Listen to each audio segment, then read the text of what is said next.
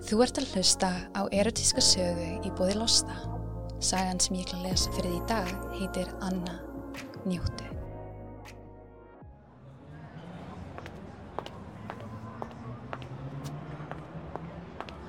Þegar ég lappaði upp tröppunar til vinkuna mínar gerði ég strax ráð fyrir því að hún hafði bóðið fleirum í þetta parti heldur en ég bjóst við. Ég hafði ekkert farið út að jamma í langan tíma. Ég var að klára rítgerð sem að tók svo mikinn tíma og mikla orku. Kanski var eitthvað vilt parti nákvæmlega það sem ég þurfti á að halda. Þegar ég var komin inn og búin að fá mér drikk í hönd satt ég hjá fólki sem ég þökti úr háskólanum. Það var mikið hleyið og mikið slúðrað. Vinu minn tók skindilega hendina mína og drómi út á dansgólfið. Ég söng hátt og illa en mér var alveg sama. Ég dansaði af innlifin. Þegar ég snýr mig við sá ég fólk sem ég þökti ekki alveg strax. Þau voru að hengja af sér og lappa inn í eldhús. Það var þá sem ég sá hana. Við horfðumst í augu í augnablik og ég þökti hana strax. Hún hafði verið með mér í bekk í fyrra í háskólanum.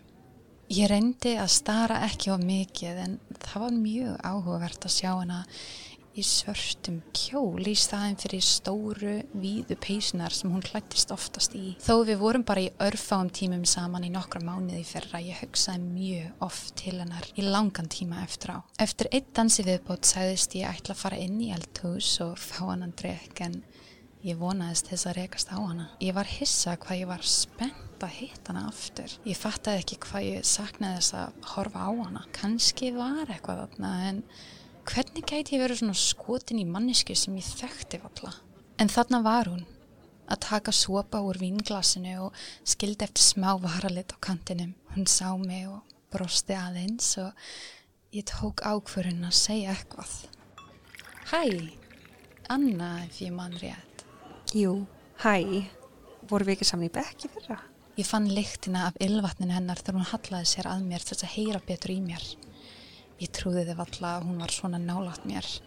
Hún var algjörlega fullkominn fyrir mig og ég hætti ekki muna hvernig mér leiði svona síðast. Ég man að ég hugsaði að það klítur að vera ekkur sameinlein forvitni, ekkur spenna á millokkar.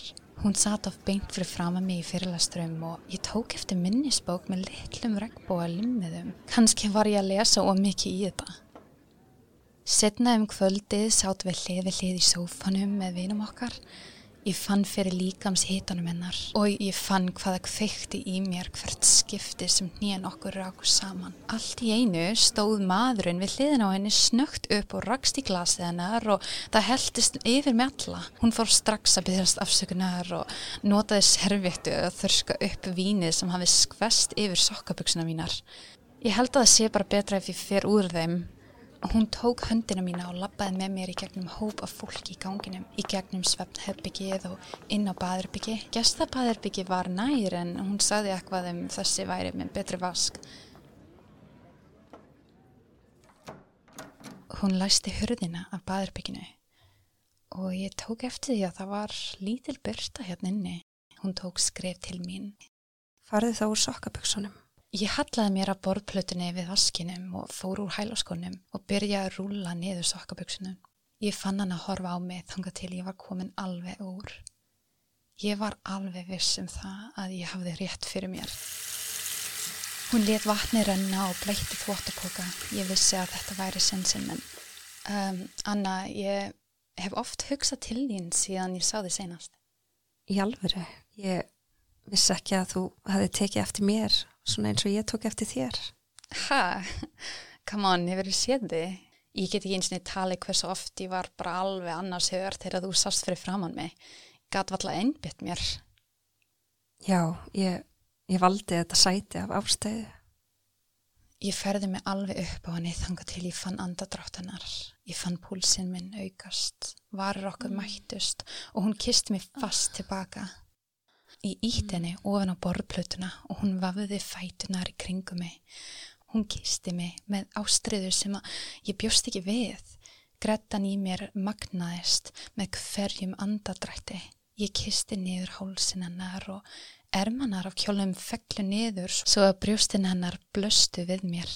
Hún var ekki í brjóstaldra og kyrvörsturinn hennar voru harðar þegar ég rann þumalputtan minn yfir. Líka með hennar var fullkomnari heldur en ég hef nokkuð tíman geta ímynda mér. Ég dró mig frá munninum hennar og virði hana betur fyrir mér.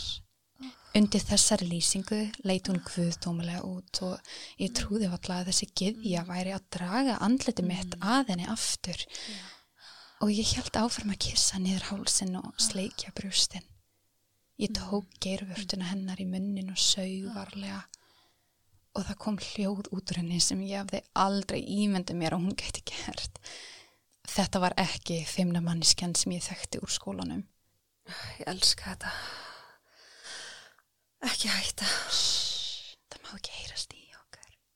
Hún brosti og tók þingum minn í munnin og byrjaði að sjúa hann bara til þess að stríða mér. Ég tók höndina mína úr munninum hennar og byrjaði að strjúka innra lærið og íta kjólnum herra upp mjög minnar. Ég byrjaði að renna puttana mína yfir píkun hennar og byrjaði að íta aðeins fastar með hverju stróku. Nærbuksan þínar er alveg blöytar í gegn. Vildi ekki fara úr þeim? Jú, taktu mig úr þeim. Ég ítti nærbuksunar hennar niður og byrjaði að nutta píkuna með þumalputtunum mínum og, og hún dró mig aftur að sér með djúpan koss. Hún lifti bólnum mínum harkalega upp og tókaði í brjósthaldaran minn til þess að frelsa brjóstin mín. Ég byrjaði að strjúka snýpin hennar þanga til ég fann taktin sem hún var augljóslega að fíla mest og ég fann hvernig lappin hennar stýpnuði. Ah, mér langar að smaka þig. Mér brásma og þegar hún hoppaði af vaskinum og byrjaði að kissa hálsin minn og kom að mér á aftan og kvíslaði. Má ég ekki vera undan? Hún lyfti pilsinu mínu upp og tókaði nærbuksuna niður, tók rassinn minn í hendur sínar og strauk upp bakið. Þangu til hún ítti þjætt á mjóbaki mitt til að beigja mig yfir vaskin. Hún nuttaði snýpin minn meðan hún stóð fyrir aftan mig og augun okkur mættis í speklinum. Ég fann andadráttur minn hækka og mm. hvernig ég byrjaði að blotna í kringum puttan hennar. Mm. Hún fór niður á nýja og beði sér að píkunum minni. Ég fann fyrir tungun hennar, blöyt og mjúk á píkunum minni og ég fekk kæsa húð um leið. Hún tók píkunum mína í munnin sinn og sleikti snýpin fast og í takt sem mm. byggði upp svakalega spennu hjá mér. Ég gati ekki staði lengur en ég beigði nýjan og setti annan fótlegg upp á vaskin til hún gæti séð alla píkuna. Hún tók tvo putta og byrjaði hægt og rólega að íta þeim fram og tilbaka inn í legungin mín og ég fann hvað ég var orðin sjúkla blöyt. Hún byrjaði að sjú á snýpin og ég byrjaði að finna fyrir fullnægingu byggjast upp inn í mér. Oh, ég elska þetta, ekki hætta. Ég fann kinninar mína roðna og lappina mína ristast og ég reði ekkert við mig lengur. Ekki hætta. Ég tók anköf þegar ég fann píkunum mína herpast í kringum fingunar hennar.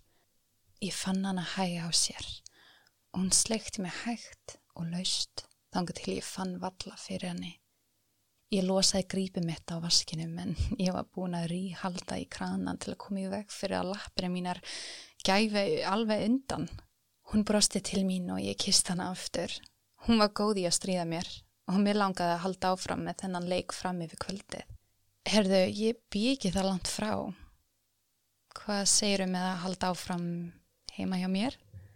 Hún kinkaði kolli. Hún var byrjað að tróða gestrengnum sínum í veskið og laga varlitin í speklinum. Ég gaf ekki beðið eftir að sjá hana fá einn stjúpa fullnægingu eins og þessi sem hún veitti mér.